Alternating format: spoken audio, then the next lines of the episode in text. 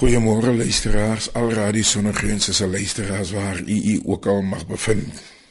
Ek wil volgens praat oor wat in die moderne tong bekend staan as risikobestuur. En ek lees uit Matteus hoofstuk 7 van vers 24 af.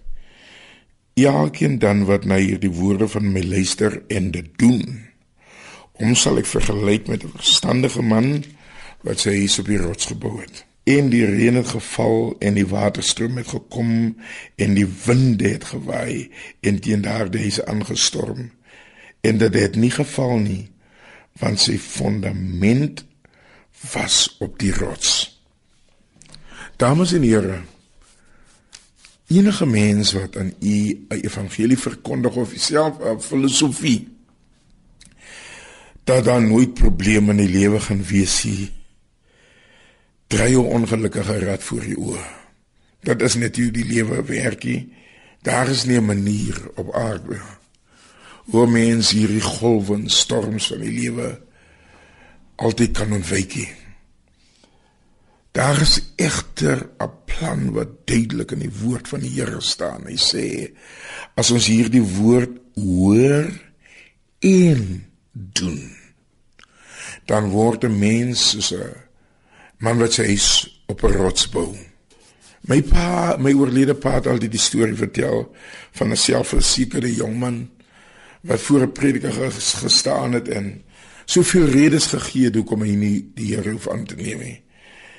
En die prediker het maar net vir hom elke keer gevra, "Jong man, wat gaan jy maak?" Toe sê hy, "Wanneer ek gaan my universiteit loopbaan klaarmaak, ek gaan so 1 of 2 grade vat."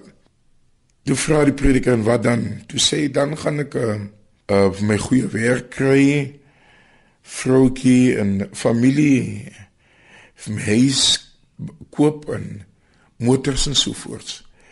Die prediker vra aan wat dan jong man? Hy sê wel, na dit gedoen gaan ek en sê natuurlik nou oud word ons al seker klein kinders het. En ehm um, eendag sal ek weer aftree en toe vra die prediker en wat dan? Hy sê wel meneer, dan sal ek seker oud word ek en sê sal hom seker so 'n wêreldreis onderneem En uh was ek maar soos enig ander mens siek word en siek sterf. Toe vra die prediker en wat dan? Toe besef die jong man, hy het nie vir dit voorsiening gemaak nie. As hy gaan sterwe, dan is alles verby nie. Daar aan die ander kant moet ons ook 'n antwoord hê. Ek vra vir u vandag, waar bou u? Kom ons bid. Here ons dankie. Dankie Here dat U ons help en ons het 'n antwoord waar om te bou. Amen.